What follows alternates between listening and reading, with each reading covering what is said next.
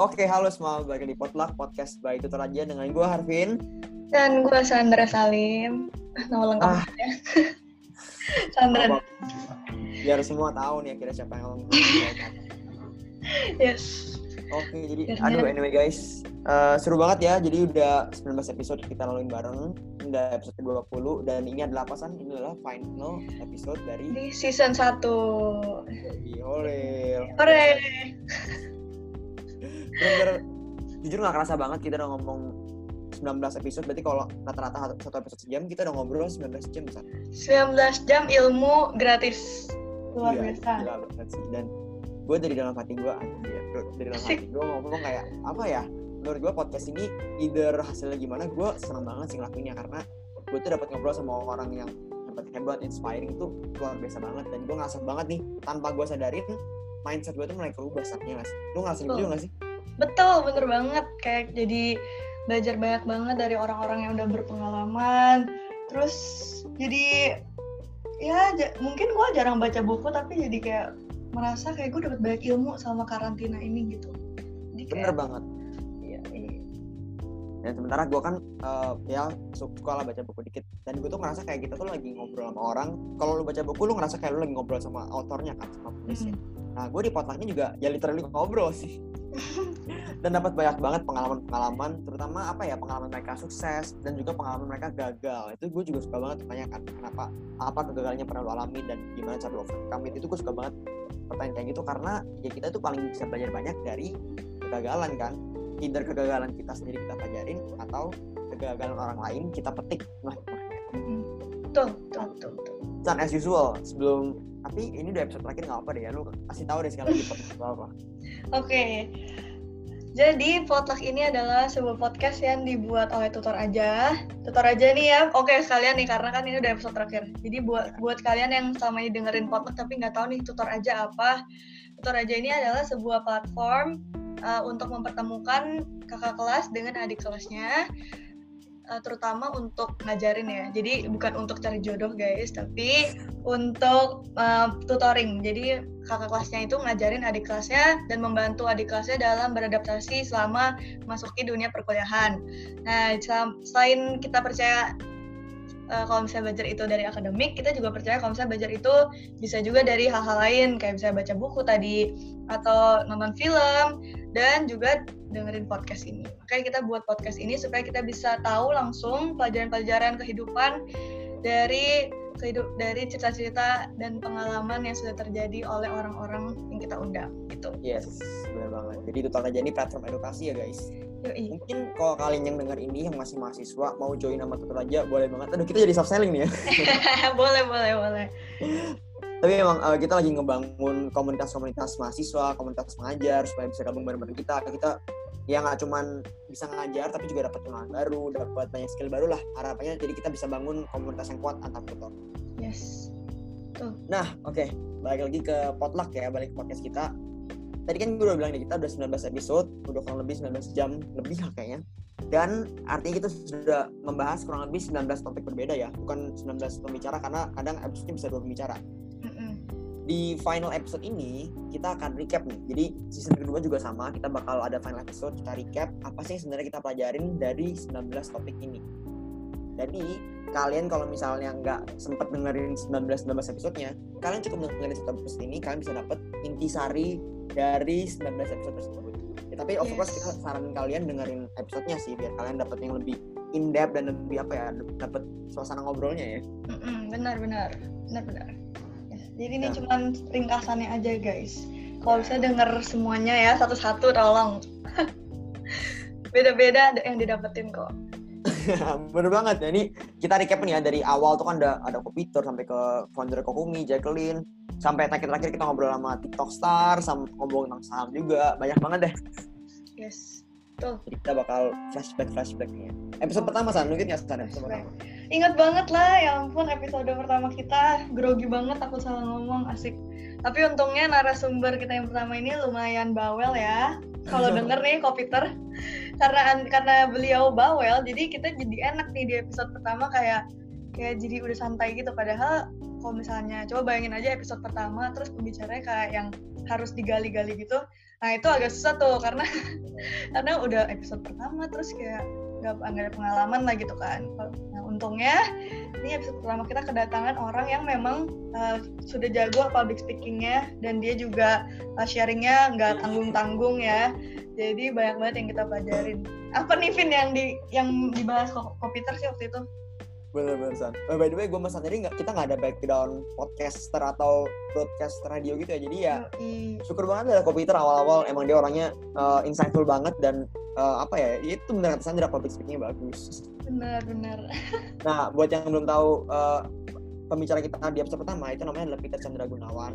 Dia adalah founder dan CEO dari Ohana Enterprise nah Enterprise ini sendiri adalah sebuah wedding organizer tapi juga cuma Goyo dong yang mereka punya banyak banyak bisnisnya kayak mereka bikin Ohana Bridal, mereka juga ada Ohana Kuliner, mereka ada Ohana Entertainment dan sebagainya. Jadi all about wedding mereka bikin perusahaannya itu deh. Dan yes. Adalah founder dan CEO-nya sekarang ya. Dan dia mostly talking about entrepreneurship, terutama di entrepreneurship di dunia yang sekarang lagi corona ini ya. Nah, tapi San, sebelum kita bahas sedikit tentang Kopiter, yang gue menarik adalah sekarang kan gue kan juga follow Ohana kan ya kan gue juga uh, cukup update tentang Ohana lah ya. Gue lihat semua yang dia omongin itu beneran terjadi loh san. As in apa yang dia bayangkan akan terjadi dan apa yang akan dia lakukan itu beneran dilakuin. Jadi yeah. mungkin kalau gue cerita ya tentunya bisnis wedding ini um, adalah salah satu bisnis yang paling terkena dampak karena corona ya nggak? Karena lu nggak bisa ngumpulin orang siapa yang mau nikah cuy? Siapa yang mau nikah cuy? Bener banget. Udah pikiran nikah tuh udah pikiran jauh-jauh dulu lah gue aja baru dengar akhir-akhir ini ada yang nikah tuh baru kayak semingguan terakhir lah itu pun juga hmm. acaranya kecil-kecilan banget. Ya jauh banget lama dulu kan sekali nikah bisa undang 400 orang 800 orang. Sekarang kan jadi berubah semuanya ya. Dan gue inget banget komputer tuh bilang waktu di episode ini bahwa uh, sekarang itu lu harus go digital. Harus nggak boleh nyerah sama keadaan ya nggak sih? Walaupun hmm. lu sekarang ke corona lu dipepet segala macem ya lu harus bisa tetap berkarya nggak bisa nyerah. Karena kayak yang komputer bilang entrepreneur tuh lu tanggungannya gede nggak cuma cari duit buat diri sendiri tapi juga kalian harus menghidupin orang-orang yang kerja sama kalian. Nah at that time Kopita cerita bahwa dia bikin Ohana Wedding Virtual Expo ya. Jadi uh, wedding expo yang virtual. Dan dia bilang wah hebat banget uh, kita kita bisa sign kurang lebih 6 sampai 8 orang. Yang udah oke okay banget waktu itu ya jadi lagi corona dia masih bisa uh, take deal sama orang. Dan sekarang san gue lihat mereka juga lebih gede lagi. Mereka bikin ada flash sale lah mereka udah bikin branding virtual expo lagi mereka udah bikin new paket wedding. PSBB ya gue paket ya. PSBB bener. Apa gue lupa hmm. pokoknya aduh lupa juga jujur. Oh gue ingat paket semua bisa bahagia. Oke keren keren. Pokoknya inovasinya banyak dah. Inovasinya banyak banget dan itu contoh nyata yang gue lihat bahwa entrepreneur tuh nggak mau nyerah ya. Dia bikin flash sale lah segala macem. Dan akhirnya jalan juga tuh mereka bikin wedding dengan protap-protap kesehatan. Dari itu diganti. Oh ya ini menarik nih yang gue lihat ya. Jadi lu tau gak san? Sekarang kalau mau wedding undang nomor suara tuh masih bisa san. Gimana caranya coba? Menurut lo zoom. Enggak enggak. Uh, physical. Bisa tuh 400 orang bisa. Uh, gimana ya? Nah ini menarik nih. Jadi kata caranya adalah digilir san datangnya jadi oh. lu ada gitu. Pinter kan ya? Oh iya benar juga. Iya, ya, jadi bener, bener. kalian sekarang kalau mau wedding udah bisa tuh. Dengan protap yang ada ya, yang, yang mungkin emang agak strict sih, harus social distancing lah, makanan prasmanan kayak udah nggak ada, tapi ya itu udah bisa, yaitu orang-orang mikir, aduh udahlah wedding nggak bisa, gua apa gua cari bisnis aja nggak, nggak komputer kayak, nggak gua bisa, gua nggak mau nyerah keadaan, kita pikir terus apa yang bisa kita kerjain lagi. Mm -hmm. Betul. Yes. Terus mereka juga sekarang aktif banget di sosial medianya terutama di YouTube dan di Instagramnya guys mereka juga bikin macam podcast gini tapi mereka bikinnya dalam bentuk IG live ya. judulnya CEO series jadi mereka waktu itu ada ada kali pokoknya ada satu minggu atau dua minggu ya pokoknya setiap hari benar-benar setiap hari guys itu setiap hari si CEO-nya si komputer ini uh, menginterview narasumber yang jabatannya CEO gitu di berbagai tempat. Dan itu bayangin aja maksudnya kita bikin satu episode aja itu uh, maksudnya seru ya rekamannya tapi lumayan lelah juga karena kan kita harus ya. siapin materi harus ngobrol sama ya. orangnya terus ya ada waktunya juga kan. Terus bayangin aja nih si komputer udah kerja dari pagi sampai malam terus habis itu dia malamnya bikin CEO series cuy. Gila hebat banget sih. Hebat hebat. Luar biasa komputer luar biasa. Mungkin emang karena orangnya hobi ngobrol juga sama iya benar benar-benar jadi dia benar-benar go digital tuh benar benar ya itu dia menurut gua kata apa yang dia katain akan dia lakukan beneran dilakuin semuanya mm-hmm. Dan gue penasaran nih, buat kalian semua yang denger di episode satu, ada nggak sih sekarang yang kalian sudah actually bikin bisnis? Mungkin karena terinspire sama apa yang komputer bilang. Kalau ada boleh dong DM kita di potluck di IG kita ya San ya. Yoi, boleh nih uh, live apa tuh testimoni langsung Iya. kasih tau kita. Bener-bener penasaran guys. Salah satu insight yang gue dapat itu waktu itu adalah gini, kalian itu sekarang itu golden time-nya. Komputer bilang ini kan, lu bayangin sekarang pengusaha yang punya gedung gede-gede, punya karyawan ratusan orang. Itu mereka di sini adalah titik terendah mereka karena mereka harus pikir, wah gue kan bagian tetap jalan, orang tetap harus dikasih gaji. Banyak banget faktor yang membuat mereka stres sekarang dan dan banyak juga bisnis yang gue banker tuh nggak sedikit loh, banyak juga kan bisnis yang went out of practice gitu ya. Kita nggak usah sebut merek lah, tapi banyak. Dan dia bilang kayak anak muda sekarang ini kalian golden time banget karena kalian tuh nggak butuh modal sebesar itu untuk mulai dan kalian bisa mulai dari rumah kalian bahkan kalian go digital semuanya sudah tersedia belajar di YouTube bisa aplikasi-aplikasi banyak yang mendukung bisnis kalian tinggal kalian lakuin aja nah gue jadi penasaran nih kira-kira ada bisnis baru yang terlahir nggak nih dari uh, podcast kita nih nggak ada GR ya Mungkin aja mungkin. Mungkin. Kasih kita ya guys. Iya tapi kayaknya gue gue tahu satu deh san Apa? ada sih temen gue yang bikin bakery gitu Kesel. Aduh, bentar lagi ya launchingnya. Ya ya itu jujur lumayan ter terinspirasi sih. Maksudnya mungkin nggak at the langsung kayak denger langsung kayak aduh pengen bikin bisnis gitu. Tapi kayak waktu itu gue pas denger temen gue denger juga dia kayak eh, dia bilang aduh gue jadi pengen bikin bisnis deh San. Terus gue jadi jadi kayak mikir beneran gitu loh. Padahal kayak dulu kayak cuman kayak wacana gitu kan. Kayak aduh pengen bikin bisnis tapi apa ya gitu.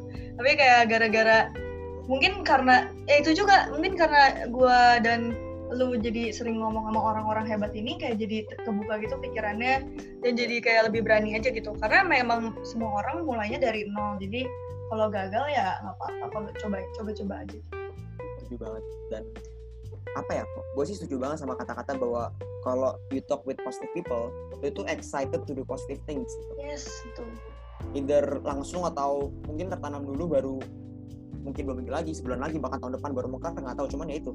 Ngobrol sama orang yang positif yang sukses yang inspiring itu benar-benar menurut gua sih um, life changing banget sih sebenarnya.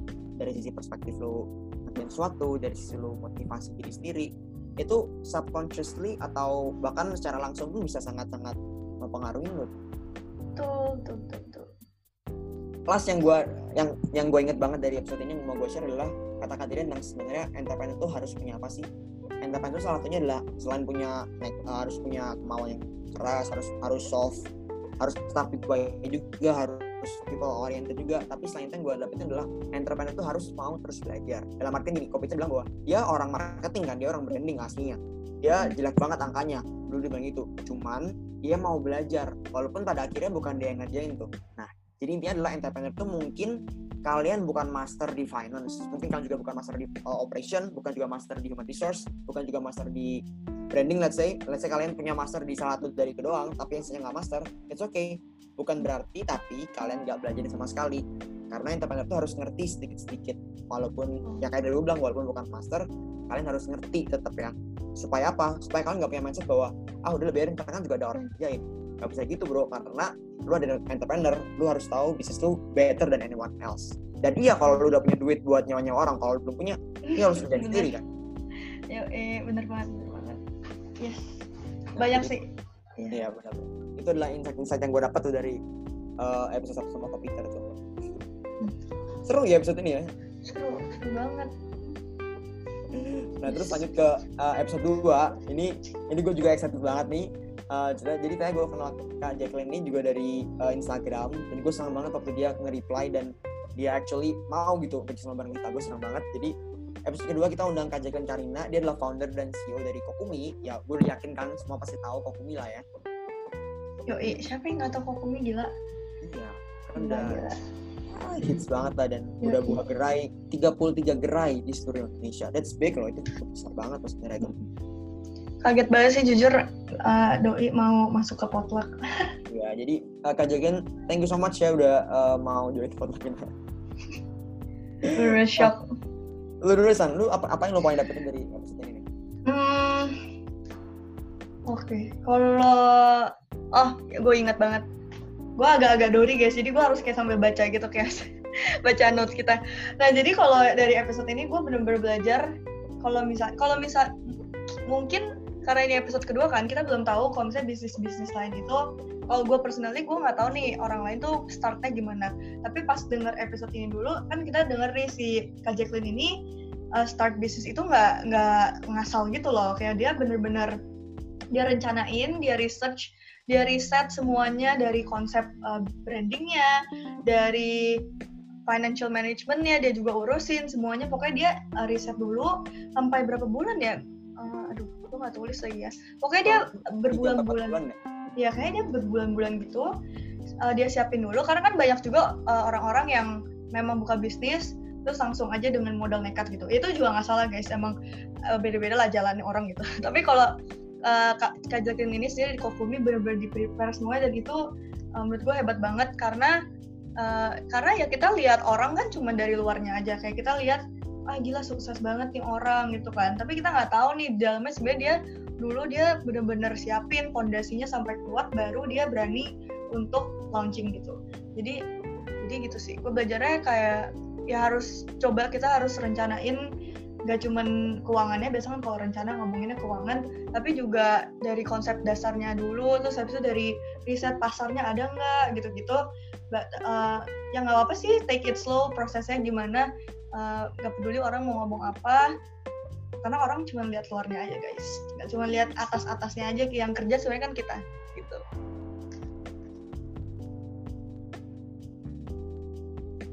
Gimana bapak Harvin? Benar-benar setuju dan uh, apa ya kalau gue lagi satu yang gue dapetin tuh bener banget sih. Dan menurut gue Jacqueline ini adalah definisi dari educated entrepreneur. Mm. kalau kamu dengar konsep kata kata-kata itu ya itu bener banget. Karena of course gue setuju bahwa entrepreneur harus punya courage harus berani dobrak pintu lah istilahnya ya. Tapi at the same time sangat-sangat bagus buat kalian itu educate yourself about your business. Either itu kalian pakai market research dulu kalau lo inget san si Kak ini bilang kayak dia bahkan ke kampus-kampus ya ke anak-anak muda dia yeah. bawain produk berapa kayak ini kemanisan nggak? Ini terlalu asam nggak? Ini appealing nggak secara visual? Jadi dia benar-benar ngelakuin market research yang deep supaya dia tahu apa yang lagi disukain sama anak, -anak muda apa yang perlu diimprove lagi sama produk dia. Dan dia udah siapin konsepnya juga financial planning dia ada brand planning dia juga ada. Baru kalau udah ada plannya semua dia jalan dia set go dan dia tetap itu juga tetap take courage ya walaupun udah ada plan tapi kalau nggak ada courage juga nggak bakal jalan kan? Jadi menurut dua hal itu harus yang ini lah harus imbang karena jalannya. Harus ada plan tapi harus juga berani. Benar-benar percuma udah rencanain juga tapi nggak ada nggak berani keluarin misalnya keluarin duitnya ya. kalau entrepreneur biasa mungkin nggak berani keluarin duit dan takut gagal jadi nggak balik duitnya gitu kan. Itu juga lumayan challenging ya karena kan lo kayak uh, ya lo challenge diri lo sendiri aja sih nggak ada yang nggak ada yang ngeliatin sih. Kayak misalnya kalau di korporat gitu di perusahaan kan ada yang ada yang lo harus lapor gitu kan. Kayak kayak supervise lo gitu. Kalau ini kan lo sendiri lo rencanain sendiri lo ambil take action sendiri jadi agak ya nekat nekatnya sendiri gitu. Kalau nggak balik modal juga itu diri sendiri lagi kenanya gitu. Jadi kayak ya harus harus nekat self discipline harus self discipline banget sih. Dan mungkin take away terakhir yang gue dapat adalah ini lebih praktikal sih bahwa penting banget bisnis itu punya rencana keuangan terutama dari sisi dana cadangan. Kak Jacqueline bilang kayak dia siapin kurang lebih 4 sampai 6 bulan even though bisnisnya nggak jalan tetap bisa survive. Dan menurut gue itu sangat-sangat penting dan anak muda uh, mungkin bukan cuma lupa ya kadang mungkin belum tahu nih makanya kita kasih tahu bahwa penting banget kalian punya namanya cadangan keuangan itu. Bahkan Kak Jacqueline bilang salah satu alasan kenapa Kokomi survive walaupun ada corona walaupun ada ini itu itu loh karena itu dia udah punya perencana kalau terjadi ini gimana? Ada plan B-nya. Kalau plan B gagal masih ada plan C-nya. Jadi itu adalah dasar-dasar berbisnis either bisa apa pun F&B boleh uh, retail atau consumer juga boleh tapi intinya adalah kalian harus punya rencana ya dalam apa pun itu. Iya mereka sampai bikin dana darurat gitu. Maksudnya kayak mungkin kalau F&B bukan F&B eh, apa aja sih sebenarnya? Maksudnya entrepreneur yang baru misalnya kecil-kecil gitu kan. Mungkin kalau kayak kayak misalnya gue mulai kecil nggak belum mikirin lah dana daruratnya gitu. Tapi kalau ini benar-benar sih Kak Jacqueline sih hebat banget. Maksudnya dia benar-benar think big sampai maksudnya dia berarti mikirnya long term ya. Kayak dia pengen ini berhasil uh, pokoknya ini akan berhasil. Jadi dia harus pikirin sampai ke depannya dia urusin dia pikirin juga manajemen resikonya. Kalau misalnya kalian belajar uh, biasa anak akuntansi belajar tuh manajemen resiko terus mereka juga antisipasi kalau ada resesi ekonomi. Itu loh sampai si Kak tuh pikirin itunya loh.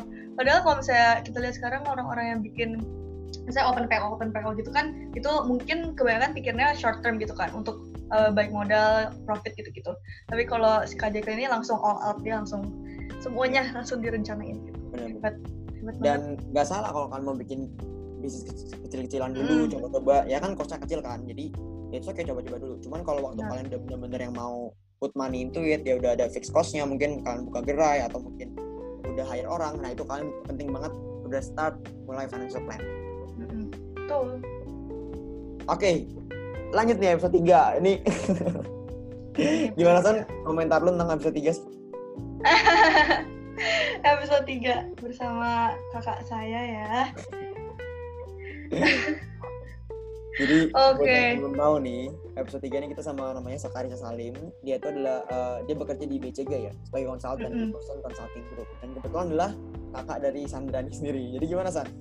Jadi uh, menarik ya. Ini bukan kita kehabisan narasumber episode 3 udah kehabisan narasumber enggak guys, tapi emang emang kita pengen ambil dari sisi corporate life corporate life-nya karena kan dua yang pertama itu kita bahas tentang entrepreneur. Jadi kita pengen ya, siapa tahu kan ada yang pengen kerja korporat belum kita singgung. Jadi kita ajak lah nih kakak saya sendiri untuk ngomongin uh, gimana kehidupannya di Boston Consulting Group-nya Jakarta sebagai associate.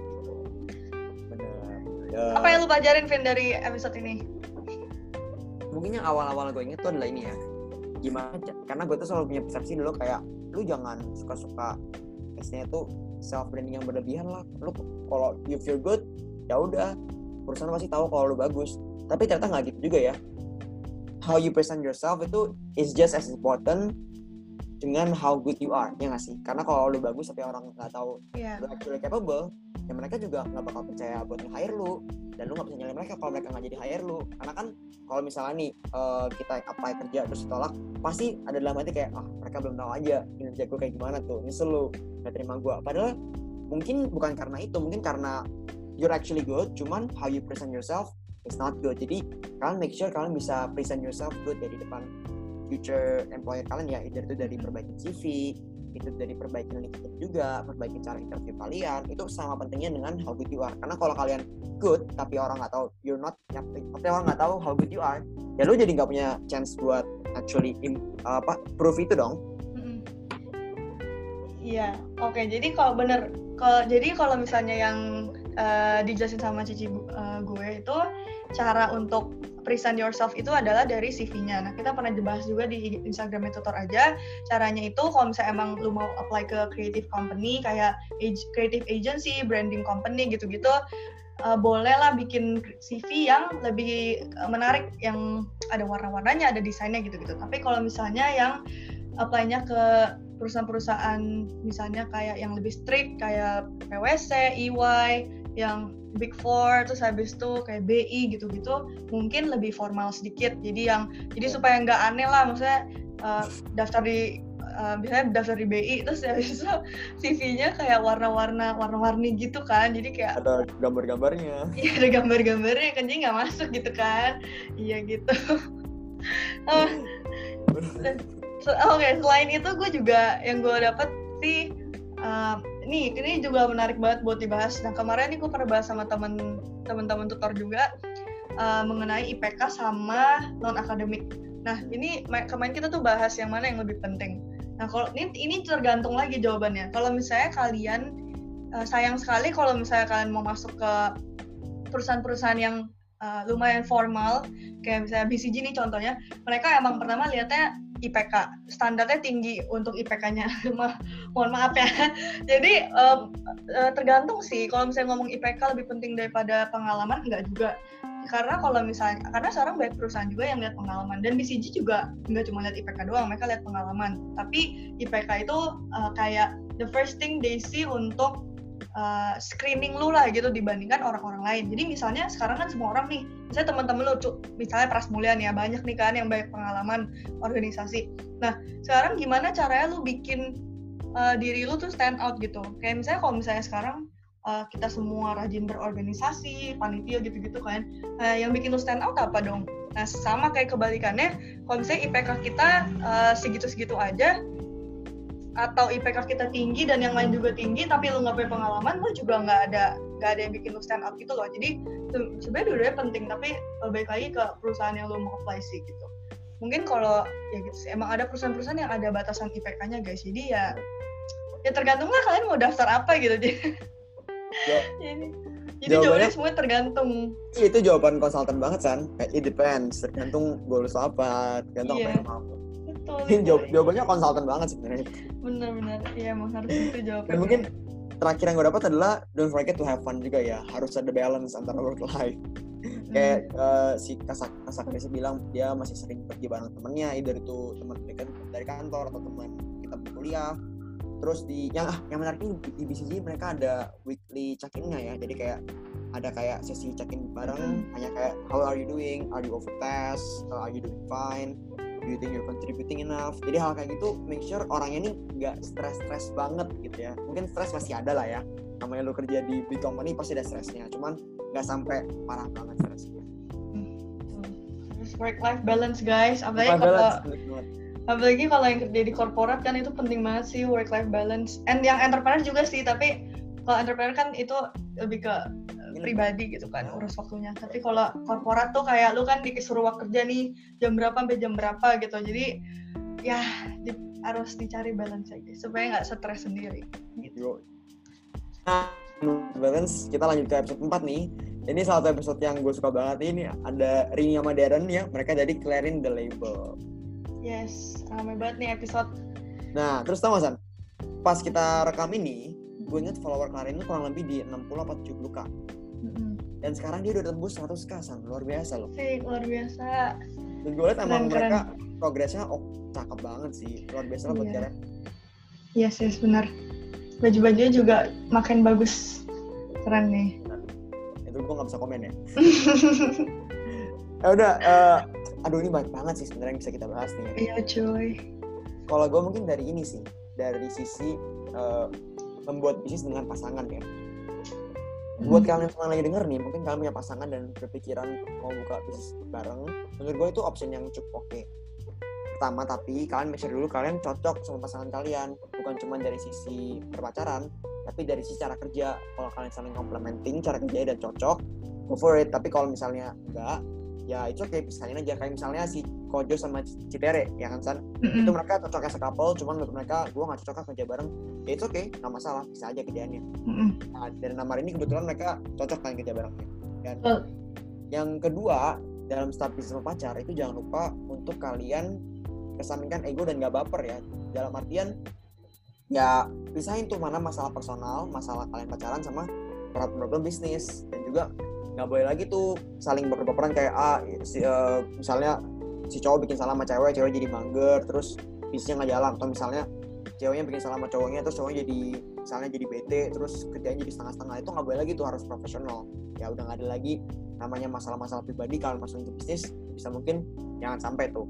Dan yang terakhir sebenarnya kalau yang gue dapet tuh jangan lupa ngedit ya itu penting banget tuh karena mereka cerita kan bahwa sekarang tuh mereka kalau pergi pun janji ya sekarang nggak usah ngomongin Karin kita pergi dating aja cuman ujungnya pasti aja ada ini pas iya.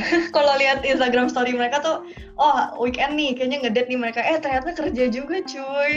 Iya.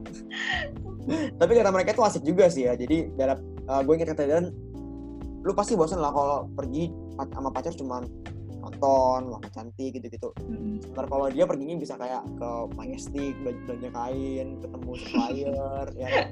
photoshoot gitu asik juga sebenarnya guys iya iya benar. Nah selain itu gue juga belajar kalau di luar bikin pacar eh bikin pacar bikin bisnis sama pacar. Gue belajar kalau mereka itu pokoknya bilang uh, kan sekarang mereka juga mereka sekarang uh, masih kuliah di Prasmul uh, angkatannya Harvin angkatan 16 dan mereka itu dulu juga nggak ya nekat-nekat nggak gimana gitu loh mulainya. Jadi intinya ya sebenarnya mulai aja dulu gitu. Karena mereka mereka juga sebenarnya nggak ada background desainer gitu. Si Cirininya ini juga nggak ada background desainer desainer baju-baju gitu. Mereka juga belajar seiring berjalan waktunya. Kalau gue liat Instagram story mereka tuh si Cirini terutama mereka uh, si Cirini selalu post kayak uh, bingung banget dulu kenapa uh, Clarin bisa jual baju ini gitu. Jadi kayak seakan-akan kayak dulu tuh desainnya jelek gitu kan. Ya tapi nggak apa-apa itu emang emang proses sih. belajar. Ya makanya itu lucu aja sih kayak misalnya dari orang yang benar-benar gak tahu desain baju gitu dan dari anak ekonomi ya kita. Kayak tiba-tiba dia uh, buka clothing line karena emang dia pengen buka clothing line terus belajar aja uh, bikin bajunya dan lain-lain gitu. Jadi mulai dari nol mulai dari sekarang. Guys dan kalau kalian inget tuh Darren waktu bilang kayak gue waktu itu kamera pinjam teman modal pinjam teman bisa moto juga dibilang jago juga enggak ya belajar dari awal lah dari YouTube tanya sama teman. Tapi intinya itu guys mungkin kalian sekarang belum bisa cuman ya terus belajar. Kuncinya emang cuma itu sebenarnya sih mau mau belajar terus karena sekarang itu ya ilmu itu udah di mana-mana tinggal kalian bisa apa nggak nyerap ilmunya. Yes. Betul betul betul, dan mungkin terakhir nih ya yang gue dapat juga ini mungkin pesan buat cewek-cewek nih ya. Gue suka banget kata kata kata Deden bahwa cowok itu susah fokus. Bener gue gue uh, akuin bener juga sih dalam artian kayak kita tuh kadang terlalu ambisius kayak pengen ini pengen itu kerjain sekaligus banyak. Tapi gara-gara itu kita jadi salah nggak fokus nih. Sementara Darren punya ini yang selalu ingetin kayak nggak ya nggak ada lu kerjaan ini ini lagi. Fokus sama Karin kerjain dulu Karin sampai lu bisa tinggal baru lu boleh tinggal. Jadi itu bener banget guys. Kalau either kalau kalian nggak bisa ngingetin diri sendiri ya cari ini kalian masing-masing ya. Benar. Betul betul, betul. oke. okay.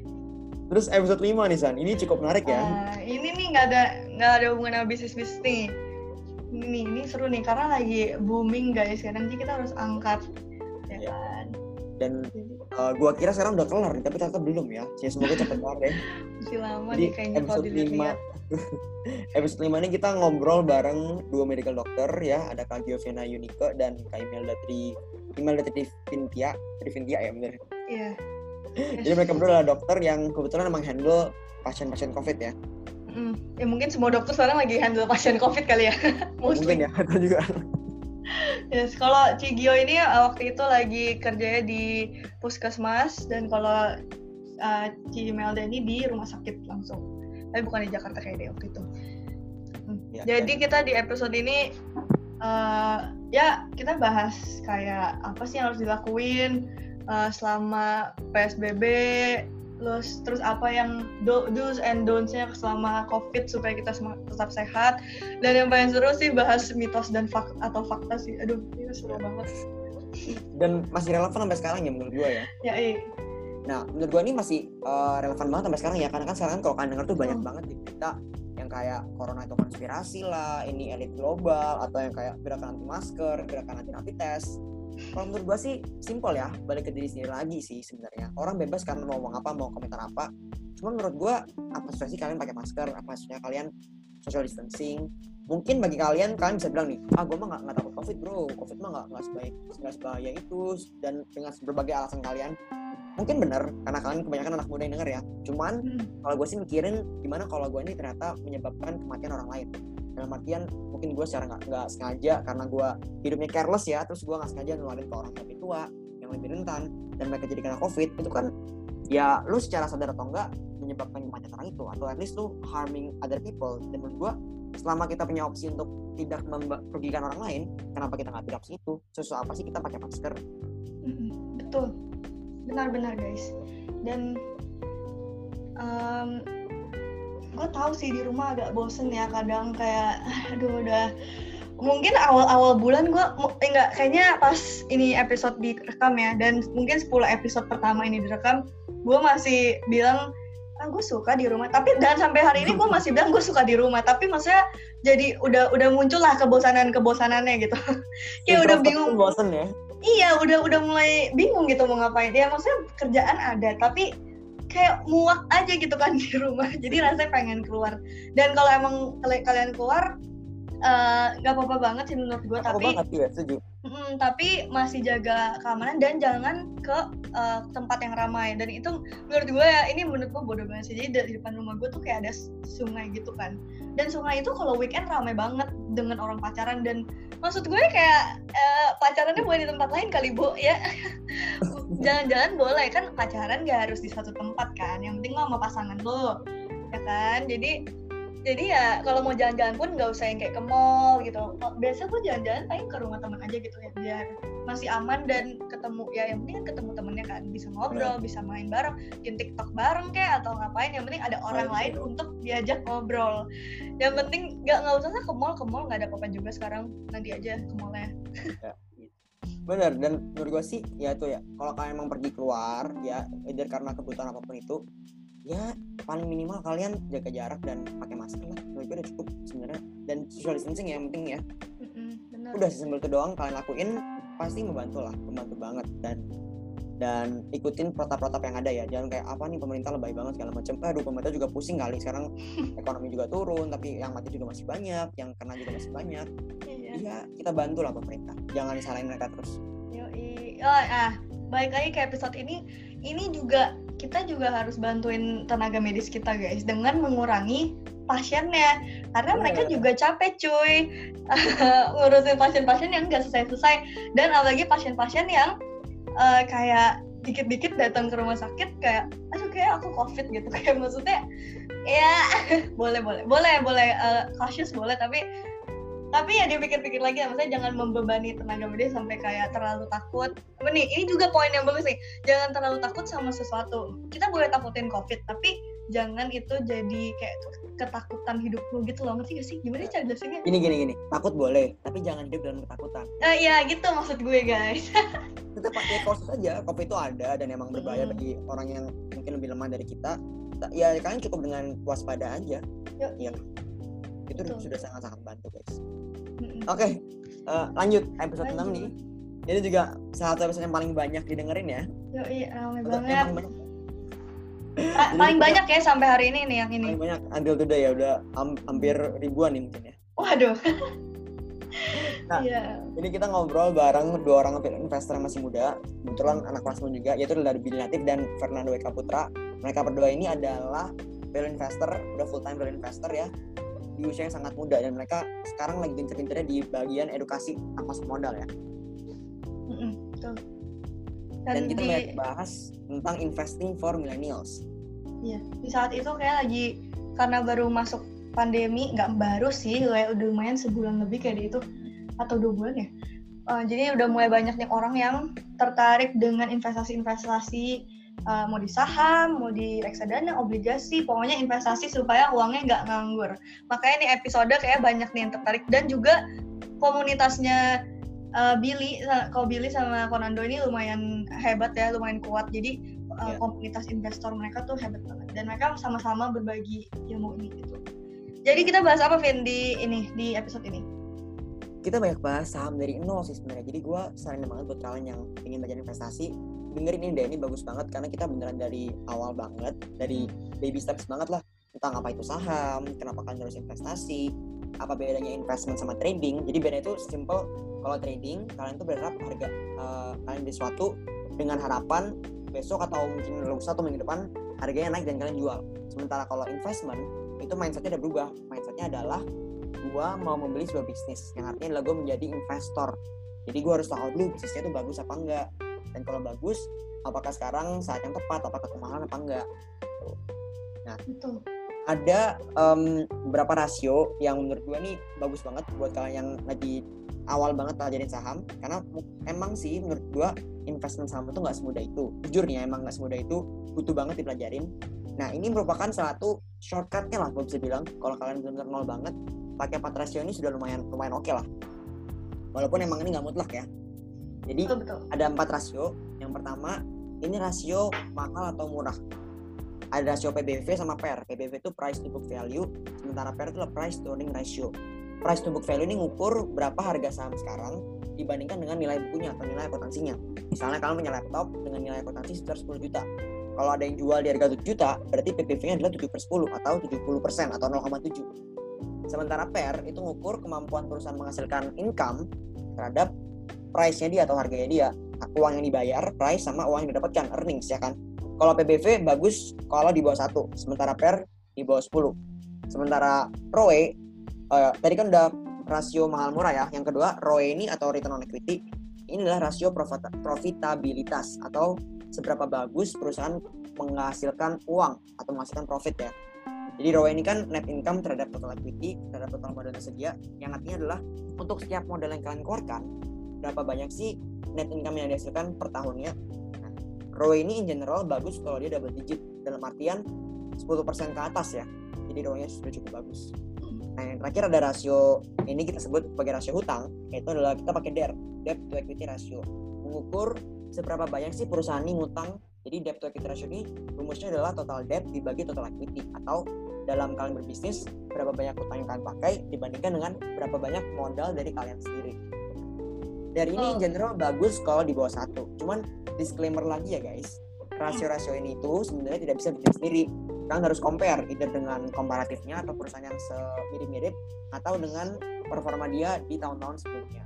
Dan tadi gue bilang di bawah 10, di atas satu itu nggak mutlak juga ya, tergantung sektor dan tergantung industri juga. Cuman in yeah, iya. general yeah. saya bilang kayak gitu. Ini disclaimer dulu nih ya. Iya benar, benar banget karena di da, nah ini ini uh, gunanya gue kuliah akuntansi ini kayak udah mulai berasa. karena di uh, kampus mungkin finance juga finance sama accounting yang Prasmo kita belajar untuk menganalisa pras uh, Prasmulian lagi. Udah gue halu banget hari ini. Untuk menganalisa perusahaan kan. Nah, jadi menganalisa perusahaan tuh nggak bisa cuma dari satu rasio. Terus ah ini dernya bagus, eh dernya bagus nih rendah atau utangnya dikit. Tapi belum tentu karena siapa yeah. tahu dia sebenarnya uh, memang perusahaannya uh, berada di industri yang memang membutuhkan hutang. Nah, terus kenapa perusahaan ini utangnya dikit padahal perusahaan-perusahaan lain memanfaatkan utangnya dengan baik? Karena utang itu nggak selalu buruk, guys. Utang itu juga bisa digunakan untuk uh, produktif. Gitu. Gak, gak sia-sia ya gue belajar ini ya, project consultancy sama FSA. Oh, iya. Aduh, lumayan. Nah, selain uh, ngomongin saham, kita juga bahas sedikit tentang financial management. Karena ini juga lagi booming banget di mahasiswa-mahasiswa nih, gimana caranya kita menjaga uh, outflow dan inflow uang kita. Nah, caranya mudah banget ya. Kalau menurut uh, Kak Billy dan ini juga yang gue lakuin selama ini, itu pertama budgeting. Budgeting itu emang agak PR kalau di depan-depannya karena lo harus pikirin kayak berapa persen nih gue mau alokasiin buat makan, yeah. terus buat transport, buat uh, uh, sumbang sumbang uh, ke social sosial gitulah uh, apalah namanya gue lupa. Ya gitu. Atau buat gereja atau buat uh, zakat gitu-gitu kan. Nah jadi itu emang agak PR di depannya tapi itu yang akan uh, keep you on track gitu. Nah selain itu triksnya trip, tips and tricksnya satu lagi adalah untuk menyisikan uangnya ke rekening lain. Ini ini gue lakuin karena agak sulit kalau misalnya ada di BCA.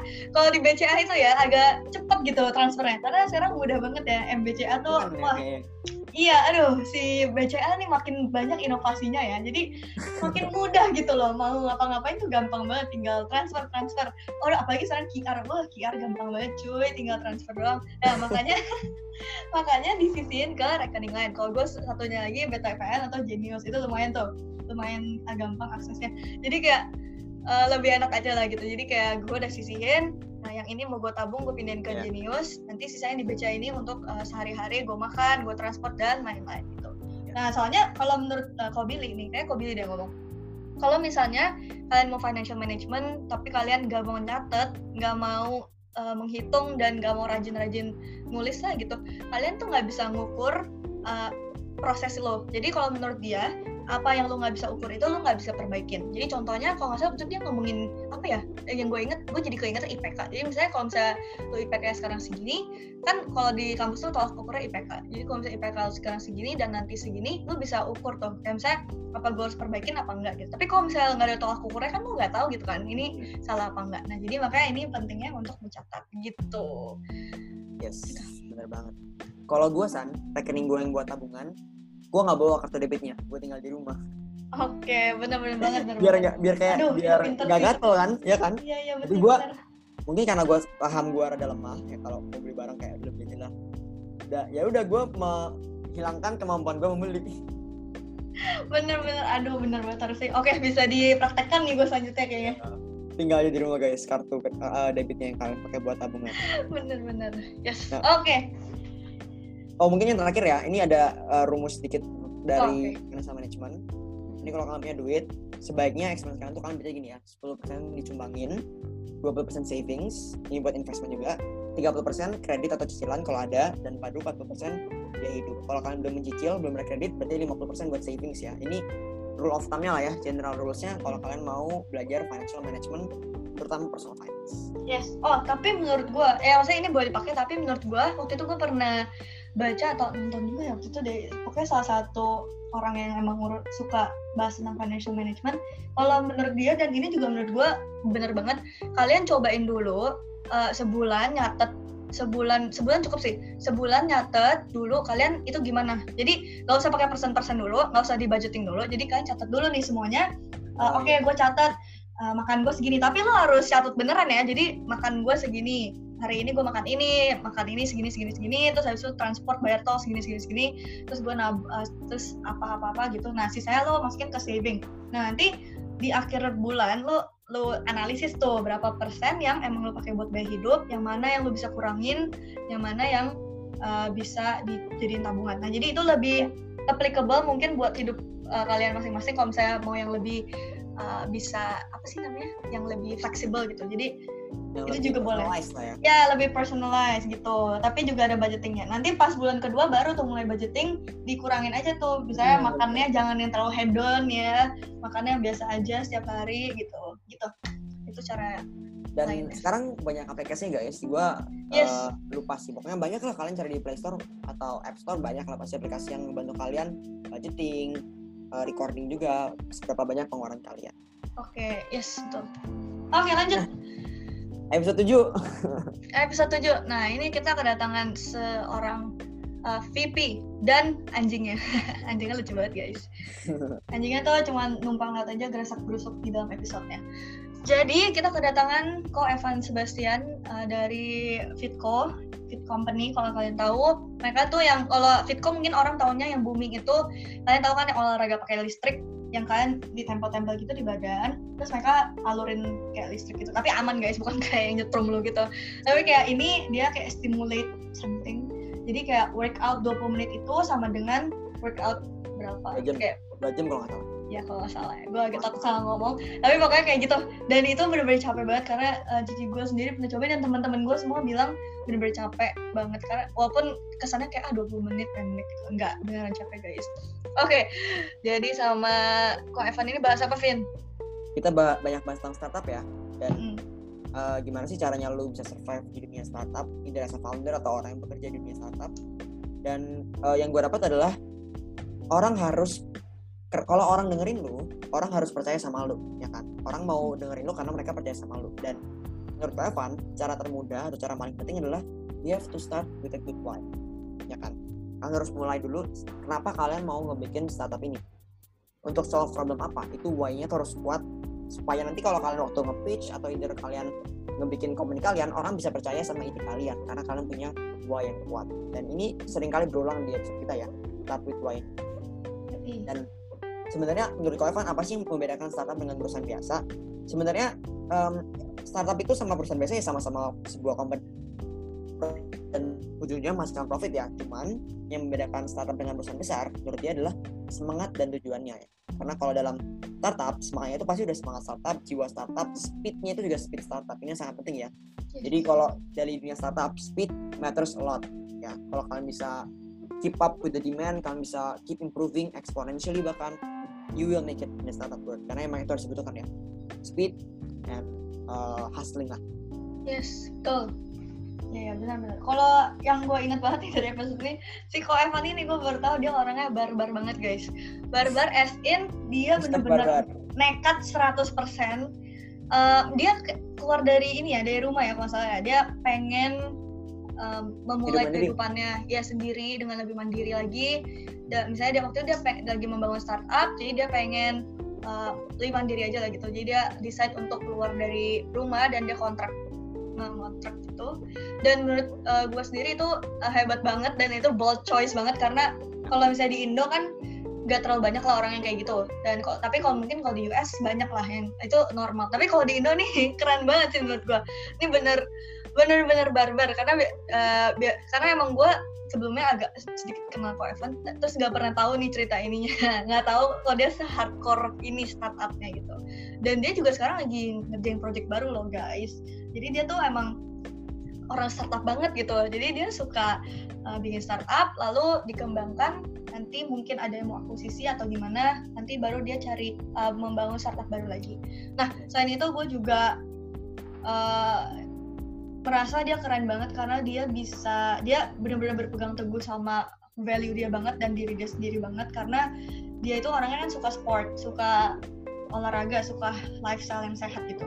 Nah makanya dia membangun dulu yang startup pertamanya itu juga tentang sepak bola ya aplikasi ya aplikasi yang mempertemukan uh, tim-tim sepak bola yang maksudnya pengen main gitu kan terus bisa main bareng gitu atau gimana kalau nggak salah. Nah jadi uh, menurut gue dia hebat banget karena dia bisa menyatukan uh, kerjaan dia dengan hobi dia. Nah itu itu jarang banget tuh bisa terjadi. Nggak jarang sih, mungkin ada tapi nggak banyak gitu kan. Kayak mungkin kita sering dengarnya orang kayak, aduh kerja kerja sesuai passion bisa nggak ya gitu. Nah tapi kalau ini orang benar-benar bikin kerjaan dia itu itu passion dia.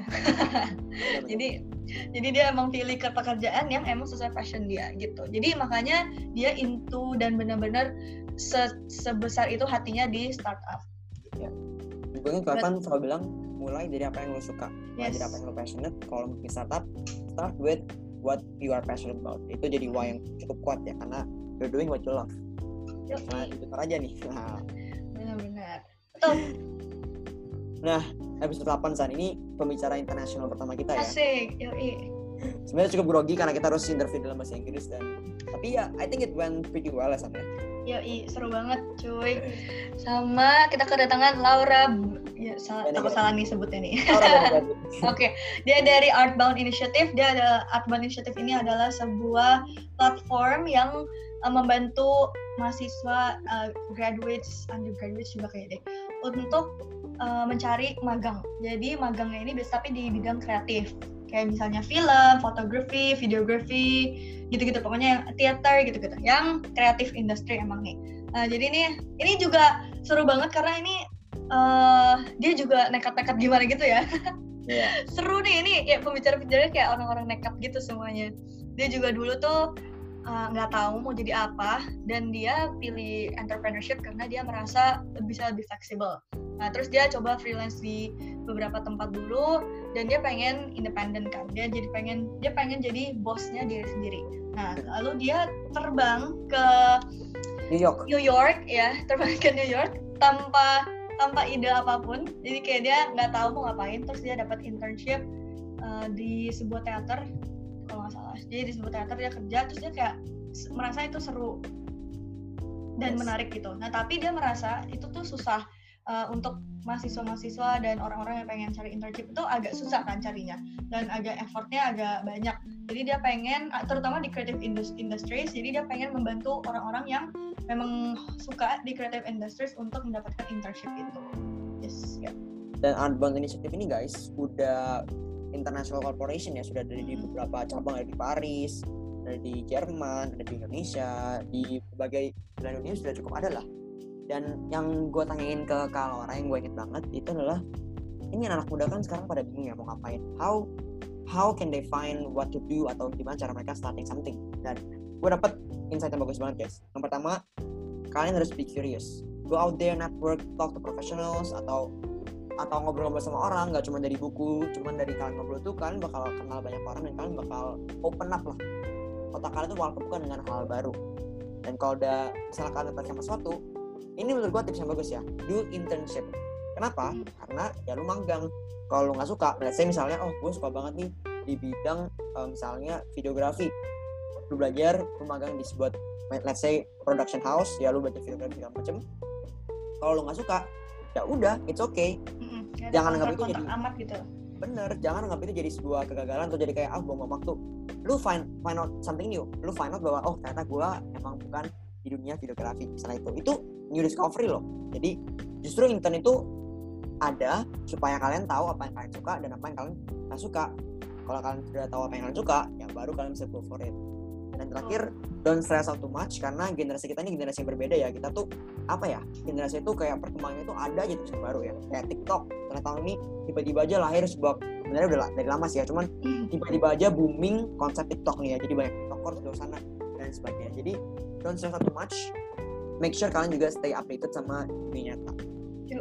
Nah, terus habis itu internship ini juga ini yang gue suka banget dari uh, episode kali ini kalimat do a little bit more. Ini kalau kata si Laura ini ya internship itu yang bikin lo beda gitu dari orang-orang lain. Dan uh, buat jadi buat stand out dari orang lain orang-orang lain tuh simple sebenarnya. Tinggal lo melakukan sedikit sedikit aja gitu di atas orang-orang lain itu udah udah oke okay banget udah mantap.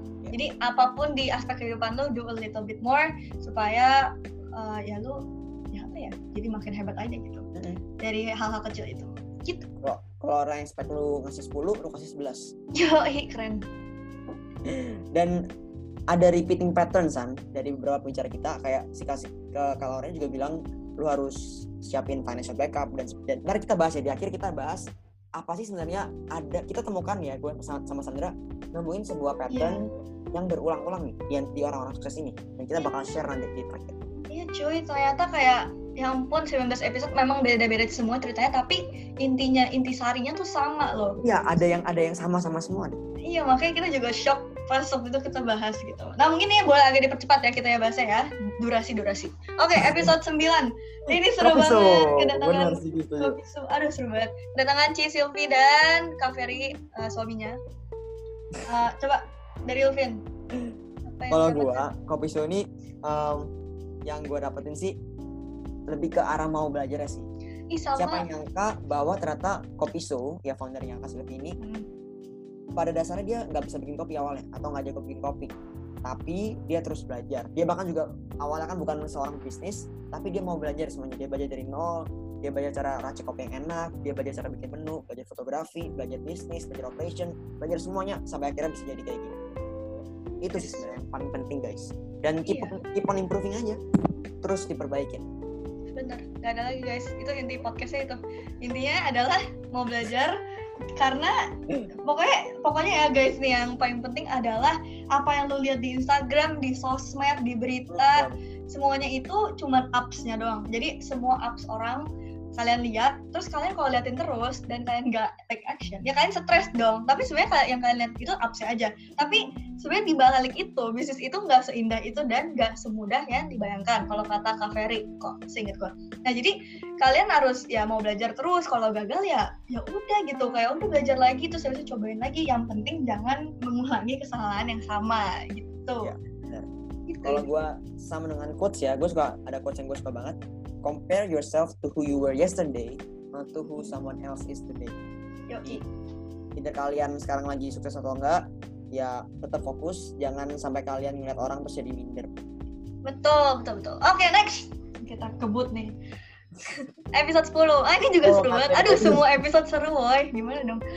Kedatangan gua langsung ya, ya kalau dari KT nih dari KT yang gue dapat adalah um, kalian harus bisa turunin gengsi ya KT ini menurut gue income-nya lumayan lah buat anak muda tapi kalau gue lihat dia juga gaya hidupnya gitu-gitu aja nggak nggak mm. semewah gimana gitu ya. Jadi yang penting itu sebenarnya itu guys gengsi sebenarnya. Kalau gue jadi ingat si CMS nih kemarin gue ikut uh, sesinya Coffee Meet Stock mereka bilang kayak yang ngebedain gue malu kenapa gue punya duit banyak lu enggak itu adalah karena gue bisa tahan gengsi gue ya kan? Karena anak muda punya duit langsung beli barang supaya orang tahu oh dia dapat duit banyak nih bisa beli barang ini misalnya bisa beli handphone X sebenarnya simpel beli yang kalian butuhkan turun gengsi. Apalagi barang-barang branded ya kalau bisa jangan dulu lah guys. Kalau masih muda mas duitnya masih dibutuhkan lebih untuk hal-hal lain. Benar. Apalagi? Oh Banyak, katanya betul. juga yo katanya juga bahas tentang uh, balance in life uh, terutama di kampus life. Dan terutama karena dia prasmulian dia bahas tentang uh, yang biasa ini sebenarnya semua kampus ada sih tapi dia karena anak Prasmul dia kasih contoh-contohnya yang di Prasmul dan saya panit tugas uh, dan bisnis dia dan social life dia gimana caranya dia membalancekan semua itu tapi uh, juga di setiap aspek itu dia memiliki branding yang baik. Jadi dia coba cari uh, loophole atau maksudnya apa sih yang dia bisa kembangin dari setiap aspek itu? Misalnya di akademik dia cari beasiswa. Untuk membuktikan kalau misalnya dia itu nggak cuma eh, orang-orangnya nih jago ngomong nih ya kan? Nih kata ini kan jago ngomong. Jadi orang-orang dulu sering underestimate dia kalau misalnya dia tuh cuman cuman pinter ngomong doang lah kayak istilah istilah, istilah kasarnya bacot gitu. Nah jadi dia pengen buktiin kalau misalnya dia tuh pinter juga uh, secara akademik dengan cari beasiswa. Terus di organisasi dia juga pinter banget dia cari organisasi atau panitia yang paling banyak marketnya dan supaya dia dikenal banyak orang. Bukan masalah fame ya tapi itu masalah koneksi guys. Jadi kalau misalnya uh, panit itu benar-benar berpengaruhnya di koneksinya. Ketika lo ikut panit, wah koneksi tuh rasanya tuh jadi ketemu orang baik banget dari semua jurusan, semua angkatan gitu kan. Nah, dari organisasi ini dia pilih panitia ospek karena ospek ini kan kalian ketemu banyak orang, ketemu maba baru. Jadi maba-maba gitu. ya terus jadi kayak auto terkenal gitu. Dan jadi kalau ketika lo punya koneksi semua jadi lebih mudah. Contohnya uh, ketika di, lo punya bisnis, lebih banyak orang yang support lo gitu. Contohnya, itu kemarin temen gue cerita kayak gitu. Nah, dan last nih, oh sorry, masih ada uh, oke okay, satu lagi di bisnis dia dia cara cara stand out di bisnisnya adalah dia juga uh, mencari mentor-mentor yang emang mau hmm. membantu dia dan itu juga uh, dosennya sendiri jadi itu benar-benar membantu banget gitu oke okay. ya oh last buat gue dari KT adalah gue inget dia ngomong bahwa kuliah ini guys buat kalian yang masih kuliah kuliah ini adalah saatnya kalian gagal ya ini saatnya hmm. kalian trial and error karena ya kalian masih kuliah gitu coba-coba aja terus take risk karena kalian sekarang itu biaya kalian masih murah jadi gue inget banget katanya bilang gue sama kalian masih jogging habis setelah kuliah baru gue sprint jadi buat kalian masih kuliah sangat-sangat nggak terlambat buat kalian mencoba hal baru Yoi. Oke, okay, next. Nah, ini nih episode episode yang menarik. Favoritnya Sandra. ini favorit gue karena gue ngefans banget sama orangnya karena dia orangnya keren banget guys jadi kita kedatangan Kak Ernaldo Sanyoto dari uh, GoPay Indonesia dia sekarang jadi lead strategic business developmentnya di sini kita bahas uh, tentang karir aja sih, karir secara umum, karir dia selama dia berkarir. yang gue dapat sih, yang gue pengen dapat sih uh, bagian uh, time management ya. Jadi ini ini unik banget karena ini gue baru dengar di uh, dari dia doang.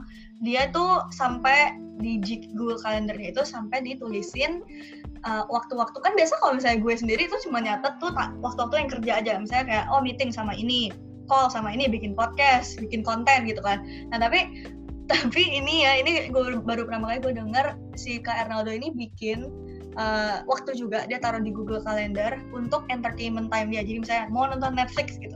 Sumpah gue kayak kayak itu kayak pencerahan banget sumpah. Ya, maksudnya ya? iya kayak maksudnya nggak tahu kenapa nggak dari dulu gue kayak gitu ya. Jadi kayak wow gitu. Gitu. Oke okay, Fit lo gimana kalau gue yang paling gue dapat dan yang paling sering diulang adalah you have to stay curious, stay humble, and always hungry to learn more. Itu aja sih sebenarnya sih. Kalau kalian mau terus berkembang, ya kalian jangan pernah merasa puas. Terus selalu punya feeling bahwa belum cukup pintar, gue mau belajar lagi, gue belajar lagi. Stay yes. curious, stay humble, dan gue juga ingat dibilang bahwa jangan fokus on the profit, fokus on the impact and value. Ya, jadi profit of course important, tapi kalian fokusnya jangan sama jadi kan profit itu sebagai output, tapi goalsnya adalah impact and value yang kalian berikan. Mm-hmm. Itu dalam bisnis atau dalam kalian bekerja secara profesional. Yoi. Mantap. Oke. Okay. Lanjut. Nah, next ini uh, anaknya Sandra nih ya. menti gue, menti gue. Oke. Okay. Uh, Jadi kita... ini adalah seorang youtuber dan juga dia punya uh, sebuah all shop ya bisa dibilang. Dia koleksi slime juga, dia menjual slime, dia YouTube tentang slime dan follower di Instagram di salah satu akun dia sudah mencapai lebih dari 200k luar biasa banget ya. Gila baik. Pokoknya nih uh, pebisnis yang mulai dari SMA SMA ya kan benar oh, dari umur 16 nih. Nah ini uniknya adalah karena dia jualan slime. Slime ini kan uh, termasuk uh, produk dengan market yang sangat sangat sangat spesifik gitu. Maksudnya kalau misalnya kita ngomongin kopi kan kayak banyak lah gitu yang minum kopi kan. Tapi kalau slime mungkin uh, range umurnya banyak, maksudnya kayak besar gitu, misalnya dari yang kecil sampai yang gede semuanya main slam. Tapi marketnya tuh spesifik banget, jadi kita penasaran gimana caranya dia me kayak excel dia di industri ini. Nah, caranya dia kasih tahu kita, itu pertama adalah dia mulai dengan amati, tiru, modifikasi. Jadi caranya adalah untuk uh, pertama dia lihat-lihat dulu dia cari komunitasnya dulu terus lihat-lihat punya orang caranya gimana bikinnya bagusnya gimana lalu baru dia ikutin dan dia modifikasi sesuai uh, stylenya dia. Dan eh, dan gue gue Anas review gue gak tau sih gue gak pernah cobain slime lain. Eh gue pernah cobain satu slime orang lain tapi gak tau brand apa. Pokoknya gue pernah dikasih slime Nicole ini kan dan slime ini itu bener-bener ya enak banget guys. Gak, gak bisa dijelasin tapi kalau slime orang lain yang gue pernah beli itu kayak cepet banget rusaknya. Karena dan ini juga info baru guys. Slime itu ada apa umurnya gitu loh. Iya maksudnya kan lo nggak tahu kan? Nah, jadi uh, emang slime yang si Nicole ini dia buat uh, untuk stay longer nggak tahu gimana caranya. Oke itu itu rahasia dia lah gitu. Selain itu dia juga bikin konten kan Vin di YouTube. Hmm. benar jadi, ya. dia jadi youtuber dia suka bikin konten dan uh, dia punya beberapa konten original yang cukup hits mungkin yang saya bilang viewersnya banyak dan sebagainya. Kalau yang gue dapat sih sebenarnya ini san kalau never give up-nya sih. Karena kalau gue dengar dari cerita dia dia sempat sibuk kuliah jadinya uh, kerjanya jadi agak ketinggalan engagementnya turun viewersnya turun segala macam dan gue tuh ngerasain banget kan gimana namanya kalau waktu engagement turun atau viewersnya turun lu jadi males buat lanjutin sih yoi bener. Tapi gue ingat kata-katanya adalah tough, tough time never last but tough people will. Ya udah kalau misalnya sempat lagi turun ya kejar lagi jangan nyerah ya betul. Contohnya di Instagram dia udah berapa post udah berapa ratus ribu post yang dia punya tuh ya? Ya cuy banyak banget dah. Apa lagi? Oke. Okay. lanjut. Episode 13 ini salah satu episode favorit gue kita kedatangan seorang yang sangat inspiratif. Gue juga ngefans banget sama orangnya. Namanya adalah Kak Stephanie Regina. Ya, kalau kalian tahu dia mungkin sebagai Halo Hani atau founder dari Halo Katox ya. Mm -hmm. Jadi uh, Kak Hani ini seorang personal branding guru brand manager juga di Unilever dan dia public speaker juga ya. Dan dia buka sebuah nama kelas namanya Halo Katox di mana ini adalah sebuah platform di mana orang bisa belajar tentang branding itu personal branding atau branding for business. Yang kedatangan banyak banget orang terkenal ya. Contohnya ada Kak Ernest Prakarsa yang datang.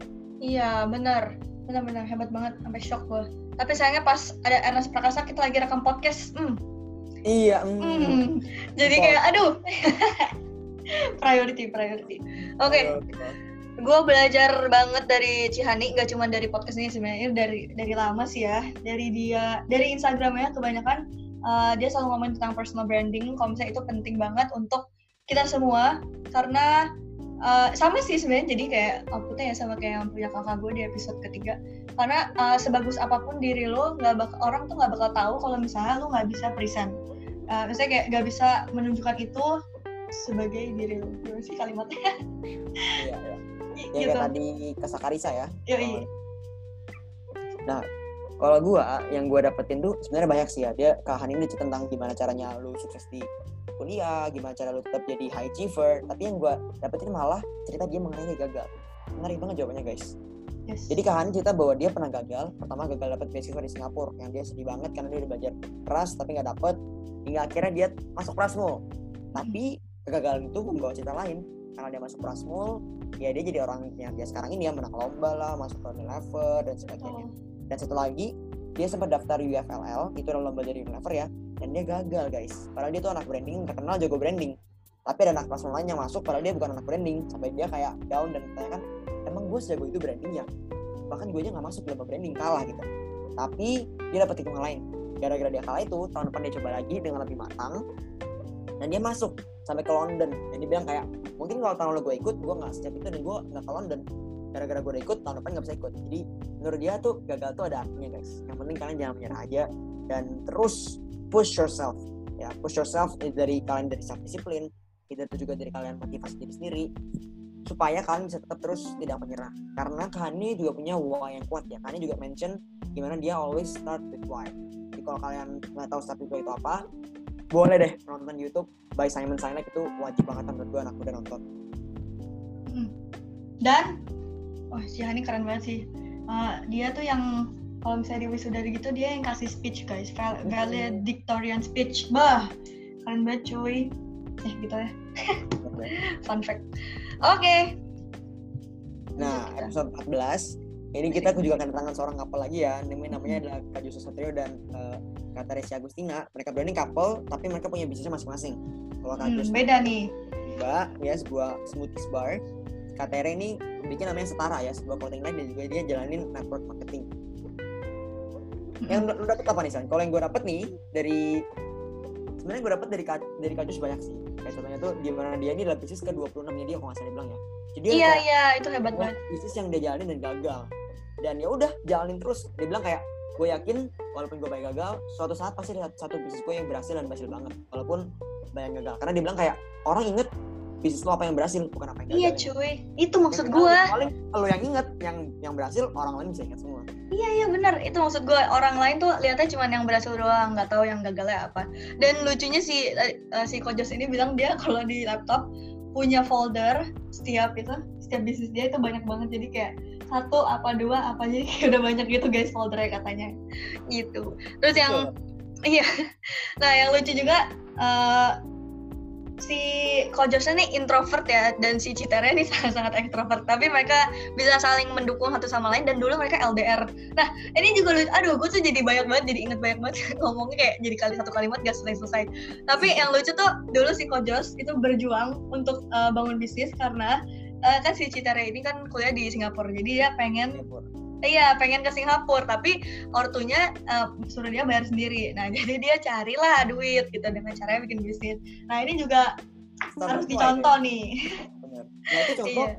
start with why yang sangat praktikal ya. Kenapa lu mau mulai bisnis? Oh, karena gue mau nyusul cewek gue ke Singapura. Ya, itu. Okay. Itu menurut gue wah yang cukup kuat sih. Lu mungkin sesayang itu sama ceweknya jadi kayak pengen banget ketemu. Jadi kayak ngekeh banget harus meet bisnis yang make money. Iya, Dan mereka iya. berdua udah pacaran 13 tahun guys, fun fact. Iya, dan mereka tipsnya katanya pokoknya harus saling uh, mengerti, terus ada yang mau berkorban, jangan satu doang yang berkorban, tiap apa-apa deh ceweknya berkorban atau cowoknya yang berkorban terus gitu, ganti-gantian. Terus uh, ya harus ada yang dikorbankan komunikasi dan jangan FOMO. Gitu. Alright, cool. Wow, episode 15 ini sama Aduh, ini gua luar biasa. Gua dia sosok mentor banget dan sosok yang very very inspirational. Dia lagi sama ya dia foundernya mau belajar apa.com yes. Kalian pasti pernah dengar baru saat ini kerjasama sama pemerintah ya. Yes. Keren Paul dia wow Dan, okay. where do we start nih? Aduh terlalu banyak sih ini jujur kayak aduh sampai bingung nih bacanya gue sampai kayak nggak tahu mau ambil yang mana. Ini paling panjang sih ya menurut menurut gue dan paling bagus menurut gue iya. Uh, oh ini apa? Lu dulu dulu Oke, okay, kita kasih judul episode ini itu adalah Youth with a Vision ya. Jadi kayak how you find vision in life karena kalau dari cerita Pak Jordan dia mulai dari Singapura dia sempat sukses yang sukses banget sampai jadi cerita dia tuh sempat jadi uh, kerja di properti di mana income itu per bulan bisa sampai 200 ribu dolar guys that is very huge loh itu gede banget income -nya. tapi dia bilang bahwa kayak panggilan gue bukan di sini deh panggilan gue di dunia edukasi karena dia bermimpi dulu sama papanya untuk membuka sebuah sekolah ya untuk mengajar di sebuah sekolah cuman unfortunately papanya waktu itu sudah meninggal dan dia choose to carry on his legacy dengan cara ini. Bukannya buka sekolah tapi dia bikin mau belajar apa.com dan reach menurut gue bisa dibilang lebih gede dari sekolah ya. Sekolah mungkin lu bisa nge-reach seribu orang mungkin ya. Mau belajar apa.com gue udah nggak tahu berapa banyak pasti dia bikin dan berapa banyak orang yang sudah belajar dari dia. Jadi menurut gue kalian harus punya vision yang kuat dalam hidup kalian. Either apa pun yang kalian bikin start with itu menurut gue lagi gue balik ini penting banget di hidup kalian supaya kalian bisa apa ya menata dan kalau kalian lagi lemes, kalian lagi mager, lagi demot, kalian ingat lagi itu kenapa why do you guys start supaya kalian tidak ber lo gimana sih? Uh, kalau gue paling mantap tuh paling paling paling dapat tuh yang tentang seasons of life. Jadi oh, seasons of life it seasons of life kita tuh uh, beda-beda guys dan uh, ya kita harus fokus di setiap seasonnya. Jangan kayak lu mau men, kayak lu mau rush untuk masuk ke season selanjutnya uh, dan lu jadi nggak fokus di season lu yang sekarang. Jadi pokoknya tahu musim kehidupan lu sekarang lagi apa. Misalnya emang oke okay, waktu itu si uh, Kak Jordan ini cerita pas uh, papanya meninggal memang season berarti emang seasons of life dia adalah untuk uh, enjoy enjoy life uh, dengan uang yang ada gitu-gitu. Nah, nah baru di musim kehidupan selanjutnya dia baru membangun mau belajar apa dan baru jor-joran untuk uh, startupnya nah jadi emang ada seasons of life dan emang udah tepat gitu. Maksudnya kan dia harus take time after uh, traumatic events gitu kan. Nah, jadi dia emang ya udah pas lah gitu. Nah jadi kalau kalau kata kaderan tuh lo harus tahu seasons of life lo di mana. Terus take opportunity sesuai dengan seasonnya lagi apa. Misalnya lo lagi sekarang lagi jadi mahasiswa ya lo manfaatkan jadi mahasiswa apa aja opportunity-nya gitu nanti akan ada jalannya pasti benar pokoknya bersabarlah semua ada waktunya dan akan diberikan sesuai dengan porsinya guys iya, iya. Betul. Right, thank you banget kok Jordan ya. gue high denger ya. Gue high, high recommend kalian dengerin lagi deh itu. Itu banyak banget insight-insight. Ya, itu. Oke, okay. lanjut ke Next, yang lebih ini sama. Mas Cakap Sari ya. Dia tuh adalah bagian dari sadari sadari sebuah uh, non profit organization yang bergerak di bidang pendidikan dan lingkungan. Jadi mereka ngumpulin baju bekas mereka jual dan mereka hasilnya mereka kasih ke masyarakat yang membutuhkan ya terutama dari sisi edukasi Gila, ini episode terchill guys. Bener-bener chill banget. Karena si Kamarsya ini ngomongnya halus banget guys. Jadi gue yang berisik ini harus ikutan halus. Karena jadi nggak enak gitu kan. Nggak, nggak, tapi kayak bukan gak enak. Tapi kayak ke bawah gitu loh. Ke bawah suasana tiba-tiba gitu. Kayak jadi pengennya. Dan orangnya emang zen banget ya. Iya, ngomongnya dengan santai gitu kayak. Oke, di sini kita bahas tentang social partnership karena dari kemarin kita belum pernah bahas. Ini juga penting banget karena uh, kita hidup di sebuah planet di yang namanya Earth dan kita harus jaga dunia ini. Gak cuman kita harus ada tadi kan kita ngomongin impact ke misalnya mau belajar apa kasih impact ke orang-orang lewat kelas kelas-kelas dia terus habis itu jumba kasih impact ke orang-orang dengan minuman dia yang sehat itu. Nah kalau ini kita juga harus lihat dari sisi uh, planetnya. Nah dari kita harus cari give harus cari cara gimana cara kita bisa kasih impact ke lingkungan lingkungan hidup di sekitar kita yang sudah memberikan kita makanan dan teman-teman. Gimana nih supaya cucu an anak cucu kita ini hidup di planet yang masih hijau, masih layak untuk ditinggali lah gitu. Ya, gitu. Jadi kita bahas itu di sini. Dan seru banget karena aduh, pokoknya si Kamasya ini zen banget guys. Jadi ya. pengen jadi pengen yoga gitu. jadi pengen meditasi gitu ya? Iya gitu. Jadi kayak kita banyak ngomongin tentang hedonistik uh, ya. Uh, tentang minimalism juga gitu gitu. Gimana Vin? Lo dapet apa? Pokoknya intinya yang mau gue sampaikan adalah kalian harus sadar bahwa kalau kalian live unsustainably one day anak-anak kalian tuh nggak bakal bisa makan enak nggak bakal bisa hidup dengan leluasa. Jadi kalian harus ingat bahwa earth itu finite ya. Ada scarce resources alias resourcesnya terbatas kalau nggak iya. Digunakan dengan baik. Jadi mulailah kalian hidup lebih responsible. Nah. simpel mungkin kurangin pakai plastik coba lebih banyak makan sayur-sayuran. Terus uh, ingat carbon footprint kalian tuh kalau bisa diminima diminimalize dan yang mungkin yang paling simpel adalah kalian jangan sering-sering beli baju baru ya iya benar dan nggak baju-baju yang udah nggak dipakai udah nggak muat disumbangkan ke sadari-sadari guys Bener. nah mereka nanti bakal uh, jualin dan uh, profitnya digunakan untuk edukasi anak-anak Indonesia dan untuk membantu planet lah gitu yes. thank you Pak Nah, next ini kita kedatangan namanya Kak Agustinus Mikael. Dia dari Creative Capital. Dia adalah sebuah brand agency ya yang uh, base-nya dari Shanghai, cuman dia buka kantor di Indo dan dia udah handle klien yang cukup gede nih kayak ada Blue Brun, ada 20 Feet juga guys yang tadi kayak Van itu dia juga handle, ada Kopi Kenangan dan juga Fish Street ya. Salah satu contoh-contohnya. Walaupun nggak semua nih ya.